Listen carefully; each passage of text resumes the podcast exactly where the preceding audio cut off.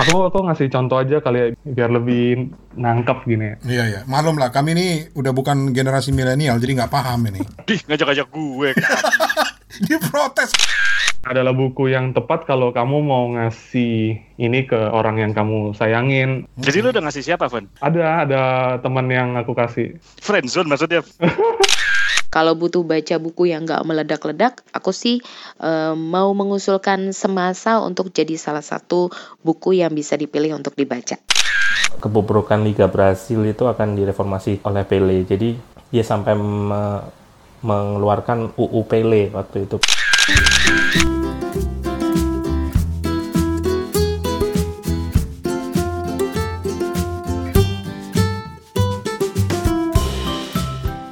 Assalamualaikum apa kabar? Ketemu lagi di Kepo Buku bareng gua Rane Hafid di Bangkok, Her Toto Eko juga lagi ada di Bangkok, biasanya di Singapura. Terus ada Steven Sitongan di Ambon. Kepo Buku buat yang baru dengerin episode ini adalah podcast yang intinya selalu kepo dengan bacaan orang lain. Daripada kepoin artis atau tetangga. Oke, di episode ke-16 ini kita akan bicara soal beberapa buku ilustrasi. Ya, kita sebut aja buku ilustrasi, tapi sebenarnya itu bisa mengacu ke komik, novel grafis, buku bergambar atau pictorial dan lain sebagainya, seperti yang akan kita obrolin kali ini. Terus, di bagian kedua nanti bakal ada dua temen kepo buku yang ngirim cerita bukunya via voice note di WhatsApp. Ada Lia di Jakarta, Hai Lia, yang cerita tentang novel yang baru dibacanya.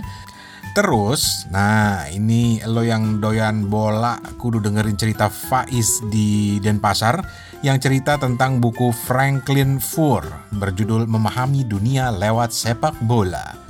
Wah, jadi bakal panjang nih cuy podcastnya. Jadi silakan pilih-pilih bagian yang lo mau denger, yang mungkin tertarik buat lo atau menarik buat lo, atau dengerin komplit juga boleh banget.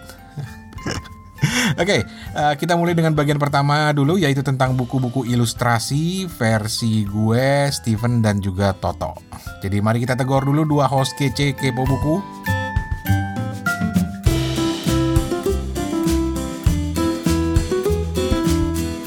Tok, apa kabar Tok? Halo Pak Rane, apa kabar? Weh, ada di Bangkok sekarang. Iya, gimana sehat Bangkok? Bangkok sehat, Bangkok masih Bangkok aja nih. Dan Bangkok nih bulan ini udah mulai agak dingin. Ya, orang Bangkok itu selalu sombong bilang di Bangkok tuh ada winter. Eh, Iya, Iya karena benar. ada satu atau dua minggu di bulan Desember atau akhir November di mana suhunya bener-bener dingin tuh kadang-kadang bisa sampai 16 derajat gitu Oh, ya. sih sampai 16 derajat? Oh iya, tahun lalu 16 derajat. Oh, kayak gimana kayak di Chiang Mai ya? Jang. Wah. Di Chiang Mai itu bisa minus 2, minus 3. Masa sih lu? Serius. Itu ada masa Minus satu atau dua minggu di akhir November atau di Desember di mana suhunya Hmm. turun gitu, turun banget. Oh iya? Oh, Jadi sombong. Orang Thailand bisa bilang di sini ada winter. Oke. Yang pasti nggak humid lah ya. Nggak Ya, humid. nggak Memang humid. Ya di Bangkok kali ini lagi enak-enaknya. Lagi enak udaranya. Jadi itu dari Bangkok ada Toto yang memang selalu bolak-balik. Kayaknya mau check up dia ke Bangkok jadi rutin gitu kan ya. Check up hasil operasinya. Iya dia belum kelar-kelar nih. hasil Belum kelar-kelar. Banyak banget kayaknya lo yang mau dioperasi lo. Bener nih. Terus Banyak. sekarang kita ke ke Ambon. Steven apa kabar? ya sehat baik, Bang Rane, Mas Toto. Gimana Ambon? Eh, ini juga lagi kadang-kadang hujan, kadang-kadang terik, galau gitu. Ada gitu cuaca Tapi galau di- di. Tapi di beberapa bagian di Indonesia udah musim hujan ya, udah sering hujan gitu. Oke lah, eh, Steven abis pulang dari Ubud Readers and Writers Festival, ceritanya udah ada kemarin, terus ada Dewi yang tinggal di Bandung, yang bilang ngiri sama Steven bisa ke Ubud katanya, dan ketemu dengan Lela Hudori dan Wis. juga penulis-penulis terkenal lainnya. Gitu. Terus dia bilang, kapan tim Kepo Buku sekalian aja bikin rekaman dari Ubud Readers and Writers Festival. Boleh tuh usulannya. Ntar kita cari sponsor aja ya, nerbangin kita ke Bali. Kita ngacak-ngacak ke di sana. Ya semoga Iya heboh kita tuh heboh ya ngacak-ngacak. semoga semoga didengar sama ini sama didengar sama yayasannya. Mungkin. Oh iya, kalau didengar ongkosin kita dong ke tahun depan ke Ubud. Cih ngarep. Bodoh. Eh, kalau ternyata didengar dan dikasih, lu kan gua nggak gua ajak lo. Ya gue tetap ke sono. Gue kan gak punya malu. Gue tetap gak ada aja. Gue tetap aja datang. Oke lah. Dan di Kepo Buku kali ini kita akan awali dengan eh, rekomendasi buku menarik dari Steven. Dan ini gua nggak tahu bilangnya apa ya komik atau buku grafik atau ilustrasi gua nggak ngerti gitu ya. Tapi sebelum kita ngomongin buku-buku rekomendasi Steven kalau nggak salah ada tiga ya Steven ya.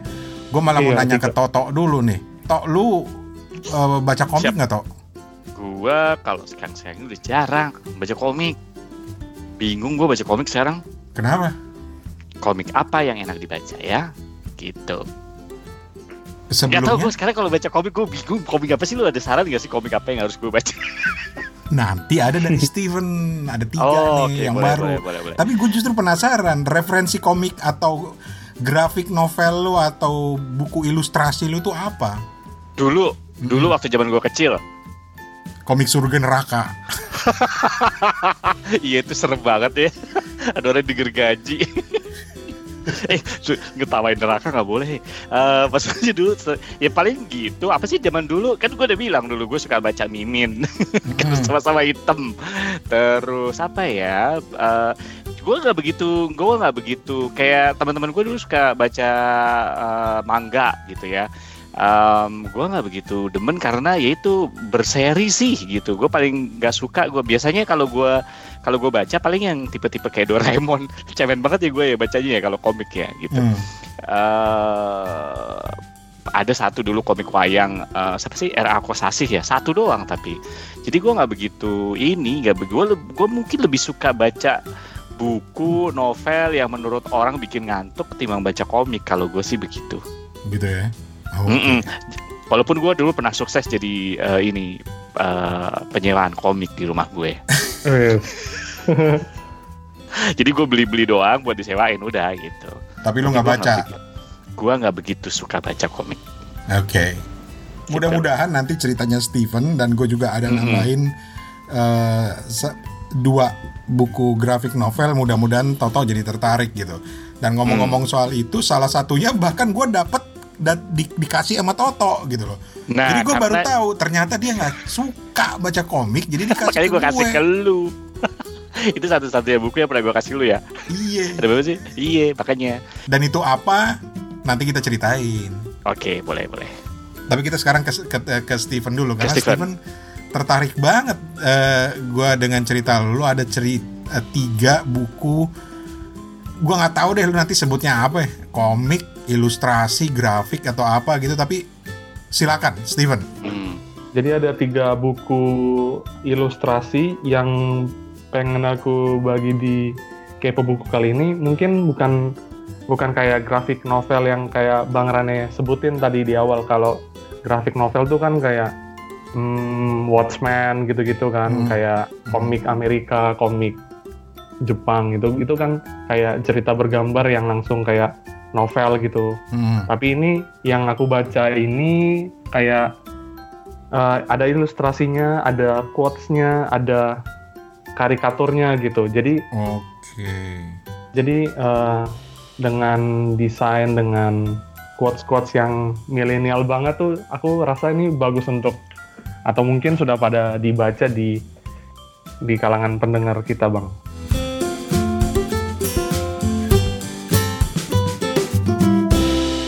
Langsung aja yang pertama dari penulis buku generasi 90-an ada Marcella FP.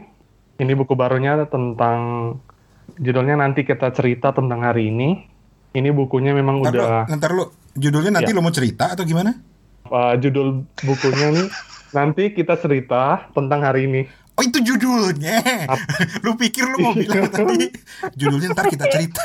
Oh, oh nanti kita cerita tentang hari ini itu judulnya. Judul bukunya, iya. Oke. Yang pertama. Hmm. Oke. Ya kita bahas yang pertama aja dulu. Hmm. Ini aku belinya kenapa? Karena ini waktu itu ini kayak lagi hype-hype-nya gitu di kalangan pembaca buku. Memang dikenjot banget ya untuk pemasaran buku itu lewat media sosial. Jadi kita nggak nggak pengen juga ketinggalan gitu, ketakutan ketinggalan baca buku ini gitu. Terus ini bukunya tentang apa sih? Nah, buku ini ceritanya tentang uh, seseorang yang bikin sebuah surat gitu untuk dirinya di masa depan. Oke. Jadi si penulisnya ini ternyata mendapatkan konten-konten ini juga dari curhatan netizen, curhatan lewat DM di Instagramnya dia, dibikin quotes-quotes yang menarik banget dan akhirnya disatuin di buku ini, di buku bersampul keras ini. Ntar lo, gue tanya dulu. Ini kumpulan quotes jadinya atau memang ada ceritanya atau gimana? Kalau aku bilang ini ini kayak ada eh, ceritanya gitu. Memang dalam tiap lembar itu ada ilustrasi, ada quotes, tapi secara linear tuh nyambung. Jadi kayak nasehat-nasehat untuk kita gitu loh, life lesson, life lesson yang eh, worth it banget untuk kita ikutin. Aku aku ngasih contoh aja kali ya, biar lebih nangkep gini ya. Iya ya, malum lah. Kami ini udah bukan generasi milenial, jadi nggak paham ini. Dih, ngajak-ngajak gue. Dia protes. Eh, lu tua-tua aja udah. Dengerin. Lah gue tua, tapi gue milenial bro. Gue generasi yang beli CD eh, lewat ini makanan cepat saji. Eh, belagu. Lanjut. Oke, oke. Jadi salah satu quotes-nya kayak gini. Nanti bila kamu datang ke hidup orang lain, beritahu alasannya. Hingga nanti kamu harus berhenti beritahu alasannya. Jangan siksa mereka menebak lanjutan cerita. Itu satu. Terus yang lain lagi nih. Ilustrasinya ada quotes kayak gini. Tak perlu terlalu keras berusaha jadi berbeda. Jadi dirimu yang paling jarang dimiliki orang lain. Ada lagi kayak gini. Hidup itu lucu ya. Yang dicari hilang. Yang dikejar lari. Yang ditunggu pergi. Sampai hari kita lelah dan berserah, saat itu semesta bekerja. Beberapa hadir dalam rupa sama, beberapa lebih baik dari rencana.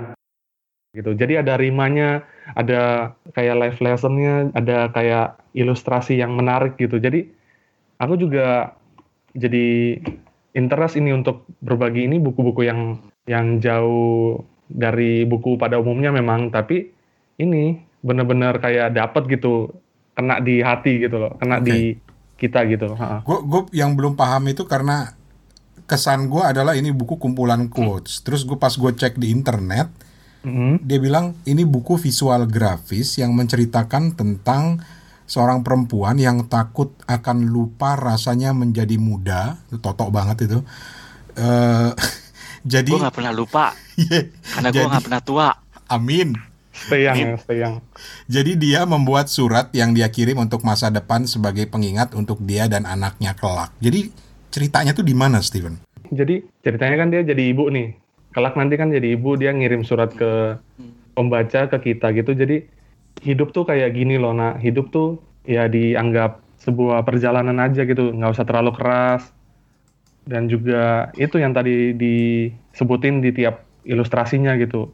Dan aku eh, pikir ini adalah buku yang tepat kalau kamu mau ngasih ini ke orang yang kamu sayangin, orang yang mungkin jadi anak, jadi ponakan. Ini ini buku-buku yang ada ada value-nya gitu, ada nilainya, ada pelajaran hikmahnya gitu ya. Jadi lu udah ngasih siapa, Van? Gue baru mau nanya. Ya ada ada teman yang aku kasih. Jatuh bet. iya, Friendzone maksudnya, Van. enggak enggak. Tapi kalau Rane tadi nyari di internet, kalau yang gue dapat malah si Marcella FP ini punya playlist di Spotify dikasih judul nanti kita cerita tentang hari ini. Iya benar. Jadi benar-benar milenial banget ya untuk sebuah produk bacaan yang yang kekinian gitu. Aku nggak nyangka juga ada playlist di Spotify-nya itu. Eh tapi penasaran gue pengen tahu la- lagunya apa aja. Oke, ini gue lagi buka ada playlistnya. Nanti kita cerita tentang hari ini oleh Marcella FP. Di situ ada Lucky, Cat, Cat Edmondson. Gue nggak tahu ini lagunya siapa. Ada Moon River, Carla Bruni. Ada Death with Dignity. Ada uh, What If, Mocha. Nah itu gue tahu. Terus ada. Oh, ada John Mayer, Roy. Yoi, terus ada Just a Friend to You, Megan Trainer. Jadi benar-benar sebuah karya yang sifatnya multimedia gitu loh, karena merangkum berbagai macam aspek sampai dia punya playlist, sampai dia punya quotes quotes dari orang lain gitu. Itu m- mungkin seperti itu polanya sekarang ya. Dibagi di sosial media juga biar biar lebih getok tularnya lebih dapet gitu. Dan ada hashtagnya N NKCTHI Nanti kita cerita tentang hari ini. Oh iya bener itu, gue pikir apa? gue Ah, Lambat lu ah. gue emang gue Gak emang milenial lo. nggak milenial banget gue. Gua bingung gak bisa kebayangin karena buku visual jadi gua bingung kayak apa bukunya tapi menarik juga sih ntar deh gue Desember ke Jakarta gue cari Ya udah, atau ntar gue pinjemin deh kalau adek gue udah datang ke sini bawa. jangan lupa bayar lo Iya iya. ada yang lu bayar Iya. Oh di di playlistnya ada ZAV Dream a Little Dream of Me. Wah keren. Oke, thank you Yep. Steven buat rekomendasinya dan gue rasa ini bisa membantu gue juga untuk lebih memahami eh, generasi milenial. Sedap. Aduh, buku kedua.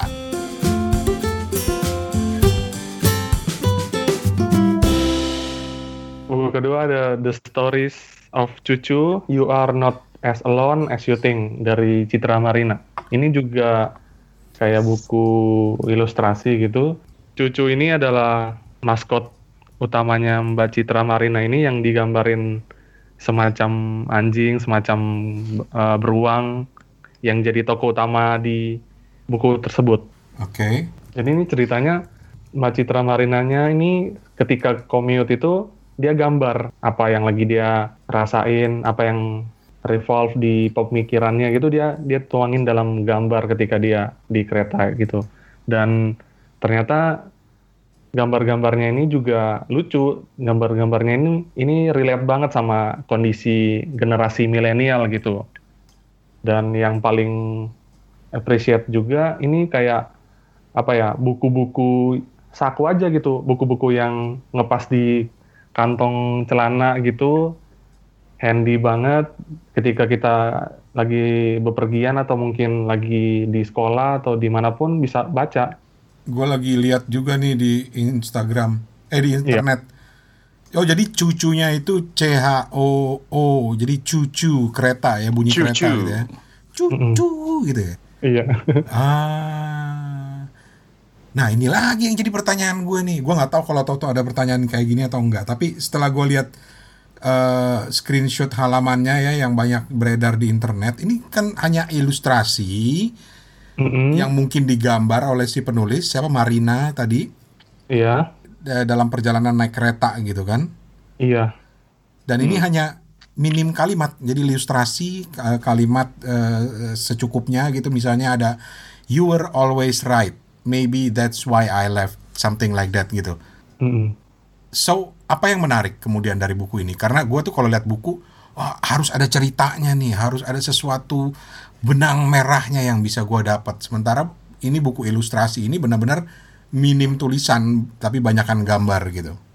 minim tulisan banyak gambar tapi bagi aku ini juga lumayan punya makna gitu untuk generasi-generasi kita gitu generasi milenial yang mungkin eh, ketika baca ketika lihat gambarnya tuh bisa nyadar gitu.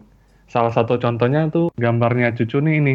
Eh, dia lagi bilang to seem happy is not more important than to be happy gitu. To Dan- seem happy is not more as important as ya benar juga sih. Terus? Jadi eh, nggak perlu buku yang berat-berat untuk kita eh, lebih pengen baca buku, tapi buku-buku kayak gini yang aku rasa bisa menarik non-readers untuk bisa oh ada buku buku kayak gini tuh ternyata yang yang fun gitu yang yang nggak berat gitu dalam tanda kutip Hmm. yang membuat kita jadi kayak oh eh, buku ini juga asik ya ternyata gitu ini dalam artian bisa menggayat pembaca baru gitu ya Gue jadi ingat lagi-lagi gitu ah. jadi ingat waktu kecil dulu. Eh, nggak tahu kalau Toto atau Steven ngalamin tapi waktu kecil dulu kan kita ada gue dulu sering dibeliin buku sama orang tua yang namanya buku bergambar pictorial book gitu. Jadi bener-bener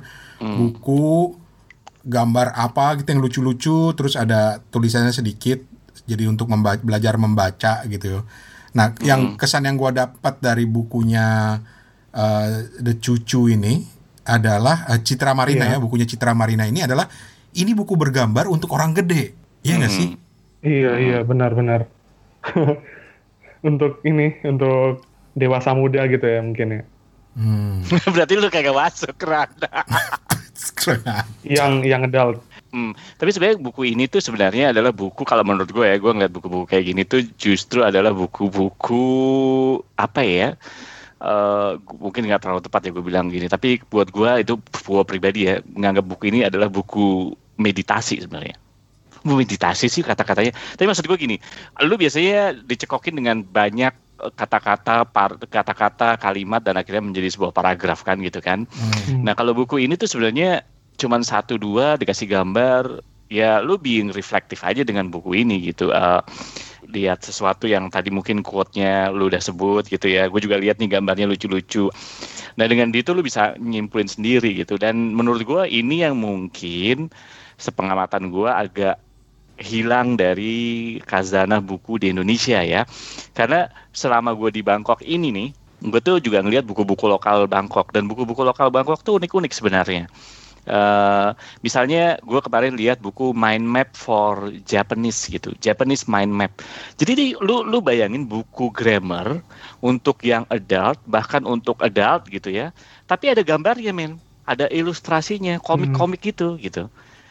Ini yang menurut gue agak hilang dari Indonesia gitu ya, menurut gua ya, menurut gua Eh, buku grammar sesuatu susah ngajarin partikel bahasa Jepang tapi ada gambarnya.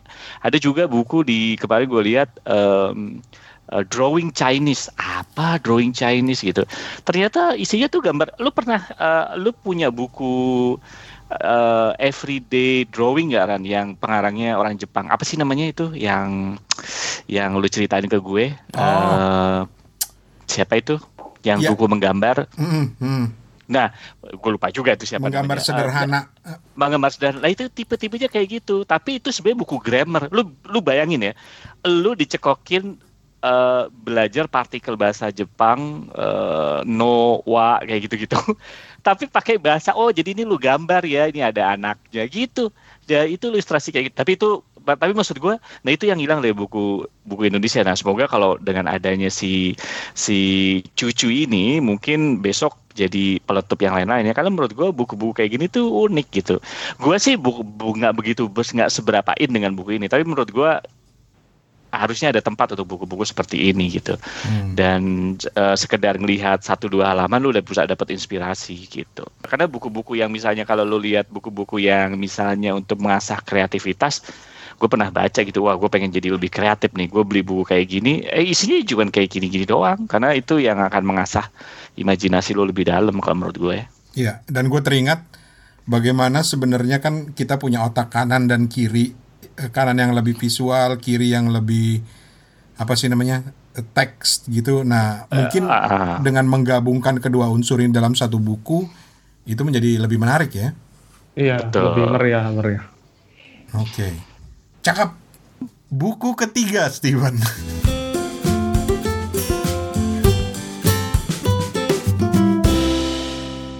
Buku ketiga ada buku berteriak dalam bisikan 50 tahun Om Pasikom dari GM Sudarta. Ini karikatur Kompas yang hampir setiap hari terbit. 50 tahun beliau berkarya dibukukan dan jadilah sebuah collectible item yang aku rasa ini benar-benar apa ya, benar-benar layak untuk generasi sekarang baca ataupun orang-orang yang pengen lihat Indonesia tuh kayak gimana sih dalam kurun 50 tahun terakhir gitu 70-an, 80-an, 90-an gitu. Ini Ah. buku buku yang tepat lah untuk itu. Kalau ini gue bisa lebih relate karena gue besar dengan Om Pasikom. Kebetulan juga Pak GM Sudarta juga berpulang di tahun ini.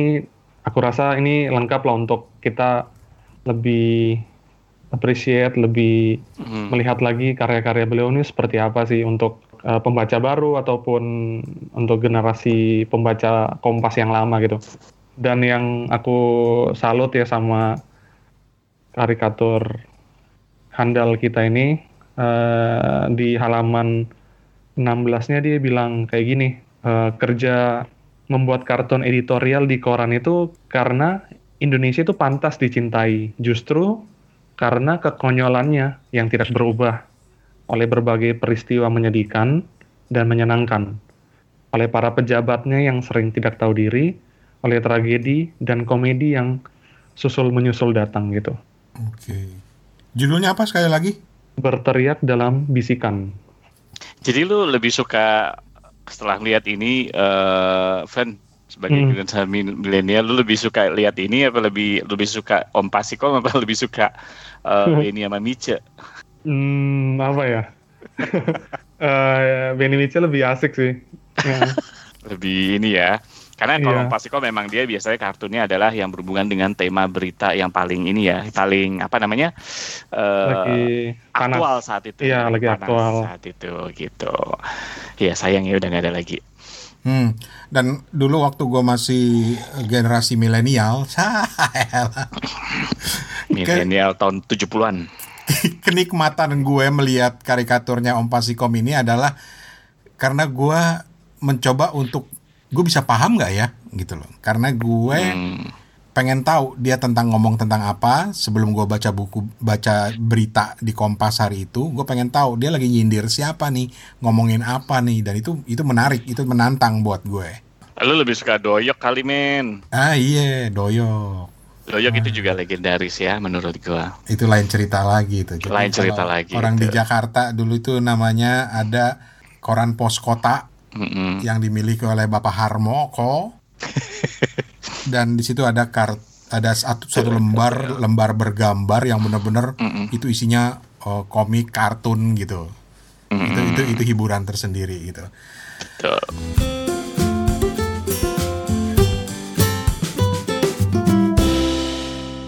Oke, itu tiga rekomendasi buku ilustrasi bergambar dari Steven dan kalau gue boleh nambahin eh, seperti gue bilang tadi, gue eh, ini menarik Steven. Lu pernah baca buku Paulo Coelho The Alchemist nggak? Pernah Nah, dalam bentuk novel. Nah, sekarang ada dalam bentuk komik, gitu. Bukan sekarang sih udah lama karena gue dapat dari Toto juga udah lama banget dan itu jadi koleksi gue yang berharga. Eh, dan gue terharu banget sampai kemudian gue tahu bahwa ternyata buku itu adalah lepehannya Toto gitu loh. Karena dia nggak suka komik. Tapi kalau lu suka The Alchemist dengan kisah si Santiago dan perjalanannya untuk mencari apa ya kebijaksanaan harta gitu karun. harta karun kehidupan, lu akan menikmati komik ini karena ini eh, dibuat dengan ilustrasi yang yang keren gitu ya, berwarna, terus bukunya itu mewah banget, makanya gua hargai banget ini eh, pemberian dari Toto gitu. eh jadi kita diajak untuk melihat perjalanan si Santiago, tokoh di The Alchemist ini dalam kenyataannya. Kita bisa tahu tokoh si Alchemist itu seperti apa, pena- penampakannya, rajanya seperti apa penampakannya, atau pada saat dia sedang mengembala sapi. Itu kan Paulo Coelho itu orangnya sangat sangat grafis sebetulnya.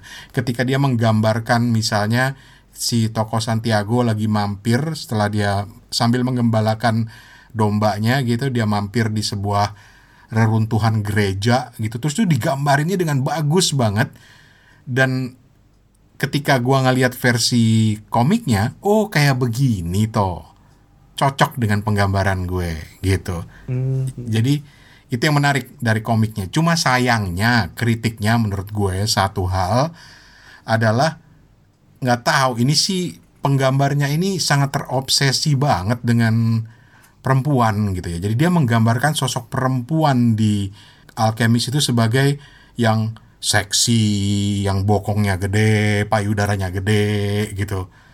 Padahal dalam gambaran gue perempuan di masa-masa itu dia pakaiannya serba tertutup gitu ya. Uh, walaupun Hmm. gypsy tapi dia pakai baju yang longgar. Kalau ini digambarin bajunya ketat, depan gede, belakang gede gitu. Jadi gue bilang, nih dia obsesi banget ya sama penggambaran perempuan yang seksi-seksi seperti ini dan itu merusak imaji gue terhadap uh, novel Alchemist gitu. Kalau lu gimana toh? Jangan-jangan lu belum baca udah lu kasih ke gue tuh buku. Eh, gua nggak baca sampai detail sih, kan bener? Selewat doang.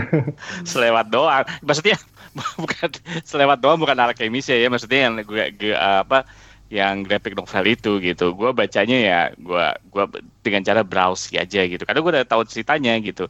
Dan dan apa namanya, ya gua nggak lihat sampai detail kayak gitu gitu. Pakai gua kasih ke lu. Pantas. Bukan berarti gua nggak suka ya gue sih suka suka aja cuman nggak tahu kenapa ya mungkin mungkin kalau gua ya em, gua, gua itu lebih ke arah gue suka baca novelnya kemudian setelah itu ada dibikin grafiknya ya mungkin gue lihat-lihat gitu sekedar untuk memuaskan ada bagian nggak sih yang gua ya kira-kira sesuai dengan dengan apa namanya eh bayangan gua apa enggak itu aja sih sebenarnya Tapi kalau misalnya Gitu. kayak manga gitu lu baca nggak sih? Gua gua baca tapi bukan sesuatu yang sifatnya serial ya. Eh eh, misalnya gua nggak suka gitu misalnya kayak baca Conan gitu sampai Hmm. up, harus nunggu. Gua pada dasarnya nggak nggak suka untuk menunggu gitu. Jadi biasanya kalau kalaupun ada novel ataupun yang sifatnya serial biasanya gue tunggu dulu gue endemin sampai akhirnya udah tamat nih udah tamat nih udah gue beli gitu Hmm, jadi mungkin gue tipe, tipenya kayak gitu tipe orang yang nggak suka komitmen lo ya. oh gue justru suka komitmen kalau orang sana udah komit sama gue Asik. Eh, enggak, tapi eh, gitu ya. Jadi kalau manga gue juga baca, tapi yang yang ringan-ringan gitu, kayak misalnya Hmm. Doraemon gitu. Oke. Gue juga udah ngum- ngumpulin Doraemon dalam bahasa Jepang gitu misalnya, Oke. karena gue lagi belajar bahasa Jepang, misalnya kayak gitu. Eh, dan itu pun gue bingung ya, manga tuh kan sebenarnya punya punya struktur kotak-kotak apa tuh yang kalau Panel, urutan panelnya. panel panelnya. Gue kadang-kadang masih suka bingung lo baca manga panelnya ke mana Hmm. seriusan ya ini serius ya jadi kadang-kadang gue bingung kok di habis ini dia ngomong gini oh gue salah baca panelnya Pantes nggak ngikutin ceritanya Iya. gitu ya. iya pantesan kok Oke. agak aneh ya gitu Tapi ini terakhir eh, buat Toto sama Steven, terutama buat Toto yang nggak terlalu suka eh, komik ya, gue mau rekomendasiin satu. Ini gue bisa bilang gra- novel grafis atau komik gue yang paling mahal yang gue punya. Asik ah. apa tuh Judulnya A Drifting Life karya Yoshihiro Tatsumi. Itu sudah diterjemahkan ke dalam bahasa eh, Inggris. A Drifting Life Yoshihiro Tatsumi. Dan yang menarik adalah, nah, Toto ini bakal tertarik karena ini sekali baca, Tok. Dia nggak bersambung. apa tuh Dia nggak ini yang bersambung. drifting life ini Ah, yang drift- drifting life ini A oke Drifting Life ini sekali baca. 600 halaman. oke Oh. ah Dan Tapi dalam bentuk komik. Ah, dalam bentuk komik. Dan yang menarik adalah karena, nah ini, gua nggak suka manga. Terus terang, gua nggak bisa appreciate, bukan nggak bisa appreciate, tapi gua nggak pernah ngerti di mana menariknya. Tetapi eh si Tatsumi ini adalah sosok yang mem, gua bisa relate sama dia karena dia menciptakan aliran baru di Jepang yang disebut sebagai Gekiga. Jadi dulu di Jepang itu kan manga udah mulai populer gitu ya, yang tokohnya itu ya namanya kartun gitu ya. Kayak Doraemon wajah eh, bentuknya aneh. Atau kalaupun kayak detektif Conan digambarkannya ya kecil matanya belok segala macam ya. Kalau aliran Gekiga ini gue bilangnya aliran yang realis yang benar-benar menggambarkan manusia itu seperti ya manusia. Dan oke.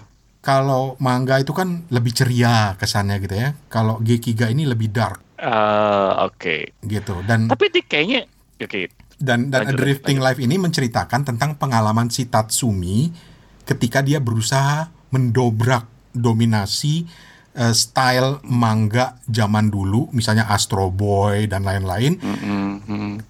dengan memperkenalkan pola Gekiga itu yang menurut dia lebih menarik gitu dan ini Ah, ini ceritanya menarik gitu secara keseluruhan walaupun 600 halaman gitu.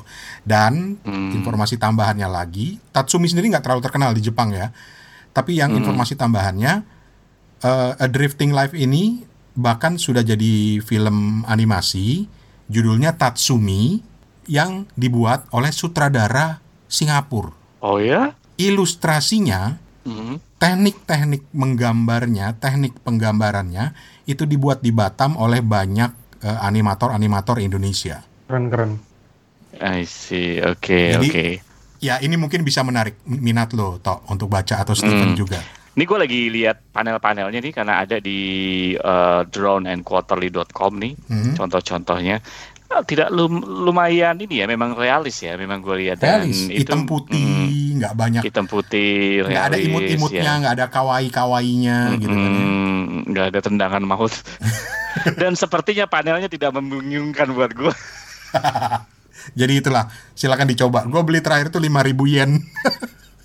Komik paling mahal gue. Iya, di sini kalau harganya 34,95 USD. gitu dan yang membuat gue berbahagia adalah karena komik itu ditandatangani langsung oleh Tatsumi sendiri Wow. makanya gue bilang Kok ini bisa lo komik- dapat? ah itu dia gue ada kesempatan eh, preview filmnya di Jepang gue dateng ya pocis-poci sana poci sini terus Tatsumi ngegambar di buku gue Wow. Oh, tokoh itu dan itu gue simpen sampai sekarang gitu Oke, oke, oke. mantap mantap. makanya gue bilang ini komik gue yang paling berharga Keren, keren. gitu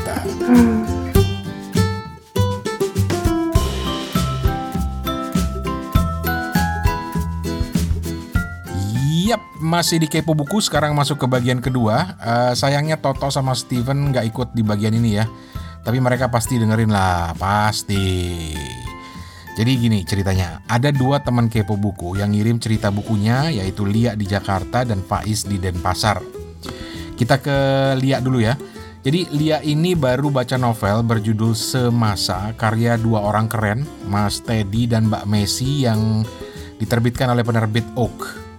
Ini novelnya keren banget nih. Ya paling nggak yang udah gua sering denger sih begitu. Jadi mari kita kepoin Lia. Eh maksudnya bukunya Lia. You have a WhatsApp message. Halo om-om pengasuh kepo buku yang ada di mana-mana.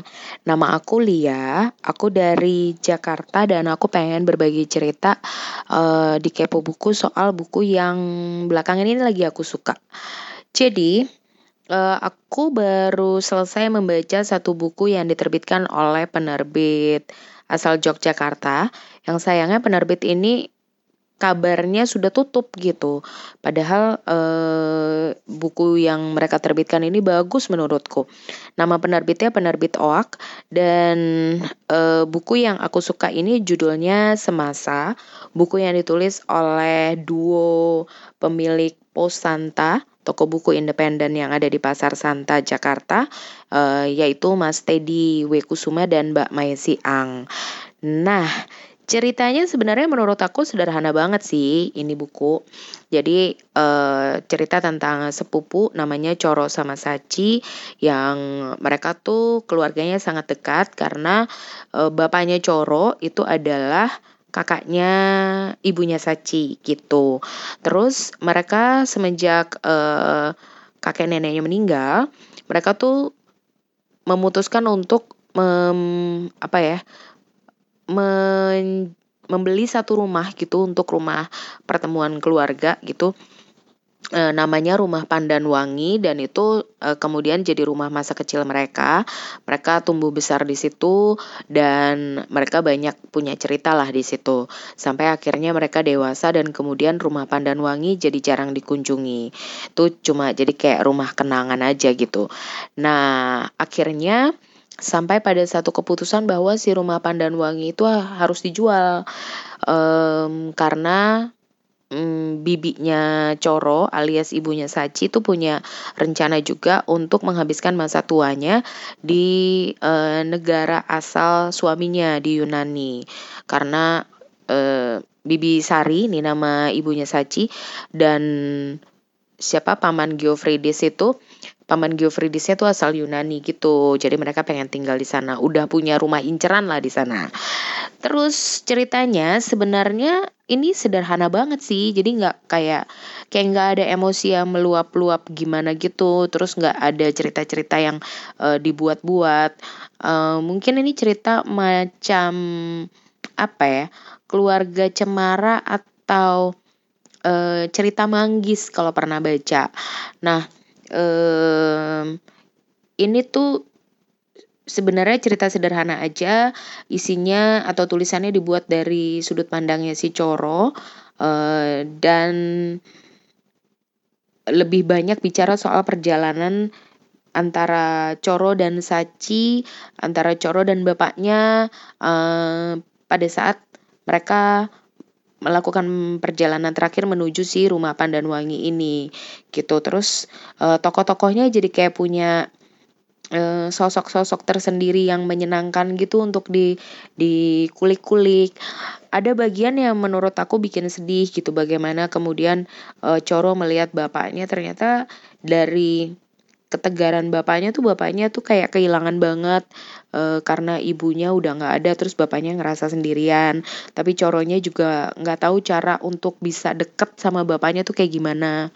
E, terus ada juga bagian di mana si Coro ini kemudian jadi berbeda paham dengan Sachi yang e, menurut Coro Sachi itu terlalu mendewakan keilmuan gitu. Karena memang Sachinya nih uh, apa ya mengejar gelar doktor gitu di uh, luar negeri. Aku lupa negerinya mana negaranya mana gitu.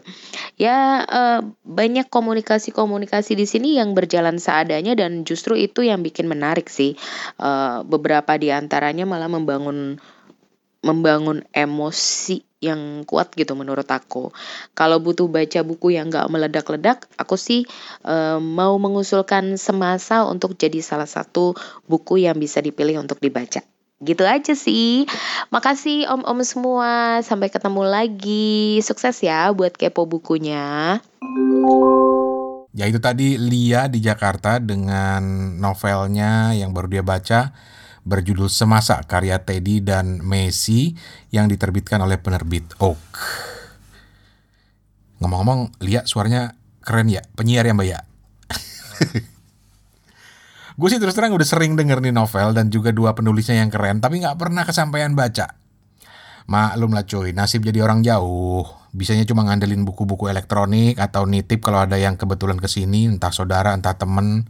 Jadi kalau lo mau ke Bangkok, kontak gue dong bang mau nitip buku nggak bang? Gitu.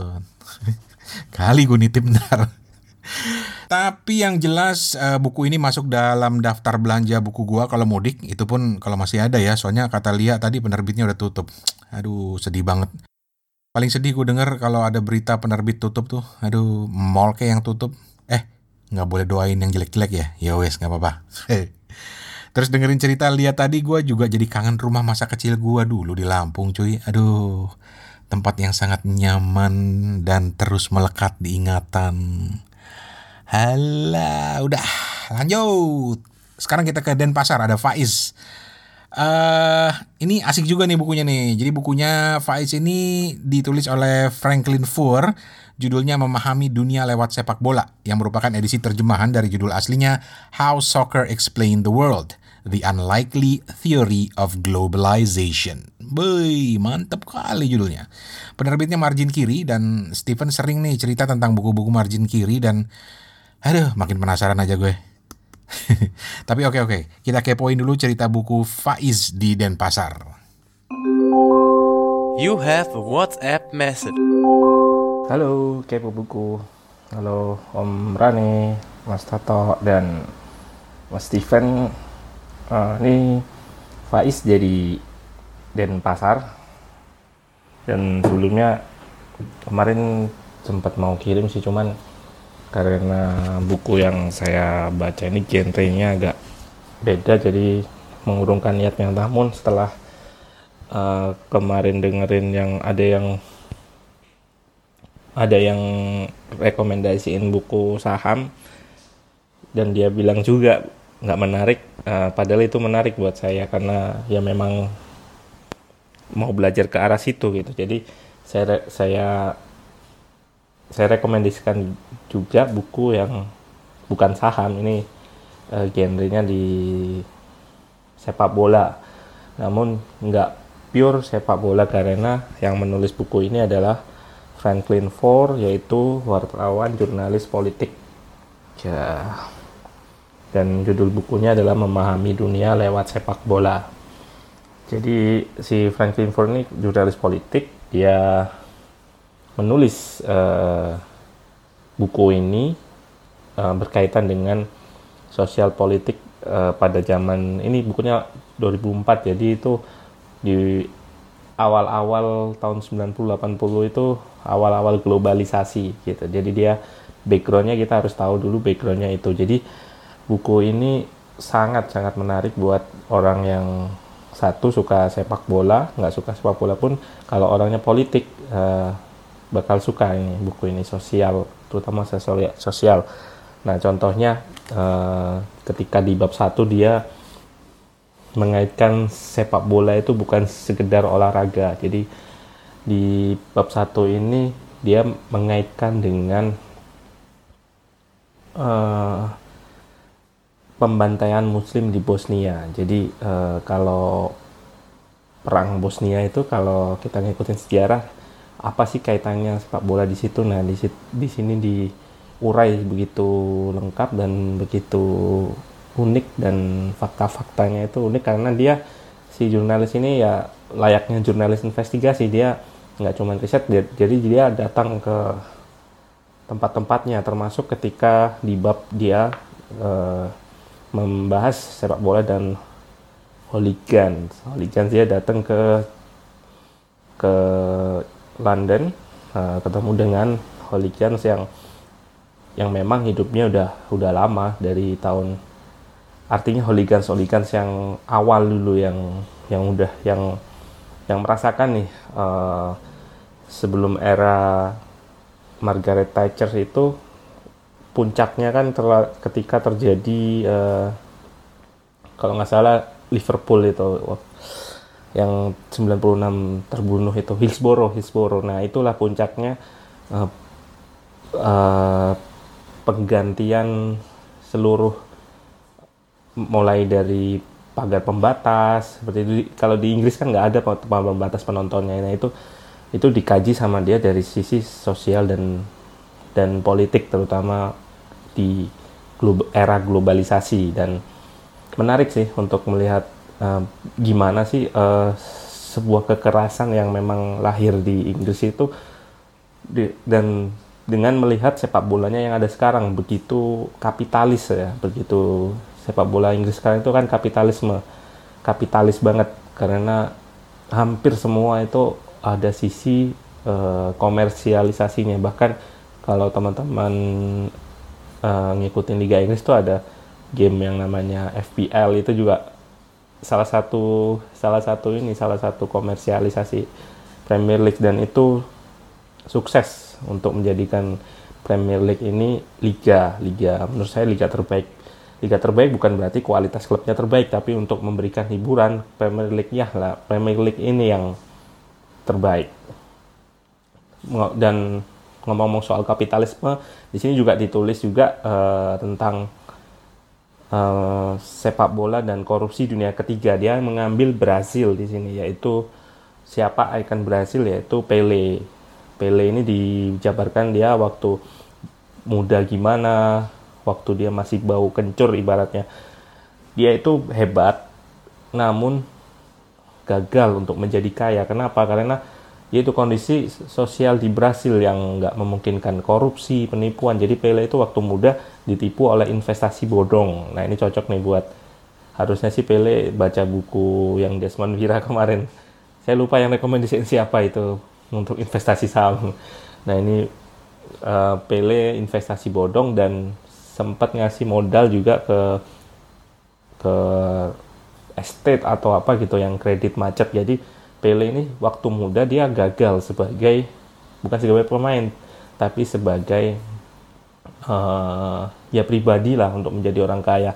Namun titik baliknya ketika dia menyatakan ingin bermain lagi yaitu pindah ke Liga Amerika. Nah di Amerika inilah uh, si Pele belajar tentang kapitalisme itu seperti apa. Jadi dia melihat bisnis adalah dilihat dari bisnis. Bisnis tidak bisa uh, mendengar omongan keluarga, saudara seperti itu. Itu yang yang yang ada di buku ini. Jadi uh, gimana Pele belajar kapitalisme dan membawa uh, ini kembali ke Brasil ketika dia menjadi menteri waktu itu tahun 90-an dia menjadi menteri uh, dia mau mereformasi ini semua semua uh, ingin ibaratnya kebobrokan Liga Brasil itu akan direformasi di oleh Pele. Jadi dia sampai me, mengeluarkan UU Pele waktu itu. Karena Pele ini apa ya seperti uh, kalau di Indonesia kurang ini sih kurang ada ikonnya. Tapi di Brasil Pele ini uh, nggak di Brasil aja di di seluruh dunia. Bahkan nama Pele atau gambar Pele itu jadi hal-hal yang bisa di uh, komersialisasi. Itu yang dilakukan Pele setelah belajar ke Amerika.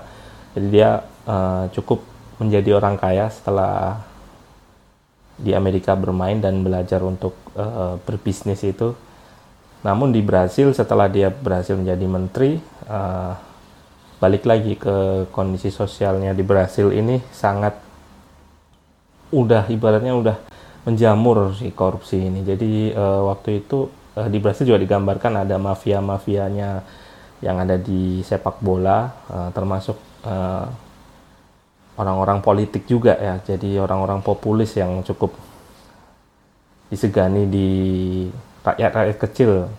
Kalau mungkin nonton serial Netflix Narcos, nah seperti sosok Pablo Escobar gitulah di Brasil juga ada tapi bukan kartel narkoba. Jadi inilah yang menarik di buku ini juga ada dari sisi agama juga di situ komersialisasi uh, antara perang Protestan dan Katolik di derby Glasgow Rangers ya dan Celtic. Nah ini kalau teman-teman yang bola tahu nih derby ini kayak gimana. Ini bukan hanya derby seperti ya Inter Milan, AC Milan seperti itu ya. Di Glasgow Rangers dan Celtic ini udah derby yang uh, udah membawa agama jadi si Rangers Protestan dan Celtic sendiri Katolik si Franklin Ford ini sampai turun ke supporter Rangers dan ikut pertandingannya dan ya ikut minum ini untuk sekedar uh, ya untuk menggali lah untuk menggali di buku ini dan uh, apa aja sih yang yang menjadi uh, diper, di, diper diperkomersialis dikomersialisasikan di di derby ini. Kemudian juga ada bab tentang Yahudi, antisemit dan gerakan Zionis juga ada di buku ini dan uh, pembahasan tentang Muslim pun ada. Jadi uh, sangat sangat memperkaya wawasan kita buku yang saya rekomendasikan ini uh, tidak hanya orang yang suka sepak bola namun sejarah pun akan menyukai buku ini kebetulan karena saya suka dua bidang ini ya meskipun saya saya kan orangnya picky untuk baca buku tidak terlalu uh, tidak terlalu banyak baca buku referensi makanya uh, saya juga kirim ini dengan dengerin kepo buku juga harapannya biar dapat referensi yang lain. Oke, nanti saya akan kembali juga uh, insya Allah dengan buku-buku tentang sepak bola yang lain. Terima kasih Om. Ya, itu tadi Faiz di Denpasar dengan cerita bukunya. Oke, okay, disclaimer, gue bukan penggila bola, tapi dengerin cerita bukunya Faiz, gue kok jadi tertarik ya. Sepak bola itu memang sudah bukan lagi sekedar olahraga, tapi sudah menyentuh macam-macam aspek kehidupan masyarakat, termasuk politik, ekonomi, bisnis, dan lain sebagainya. Hmm, gue malah jadi penasaran pengen baca bagian Pele yang diceritain Faiz tadi. Oke, okay. uh, ini bukan buku baru sih. Jadi kalau lihat di webnya margin kiri ini udah terbit tahun 2006. Eh tapi cuy, kepo buku bukan cuma ngobrolin buku-buku baru lah. Buku-buku lama juga masih bisa dan menarik buat kita kepoin. Dan kita juga bakal tetap setia nunggu cerita-cerita buku lo, lo semua seperti Lia sama Faiz tadi. Tetapi, uh, selalu ada tapinya. Minggu depan Kepo Buku akan hadir dengan episode terakhir cuy, terakhir. Uh, terakhir tahun 2018 maksudnya. Tuh kan si emput aja sampai ketawa. Jadi kayak di film-film Amerika gitu. Jadi ini adalah season finale Kepo Buku untuk tahun 2018.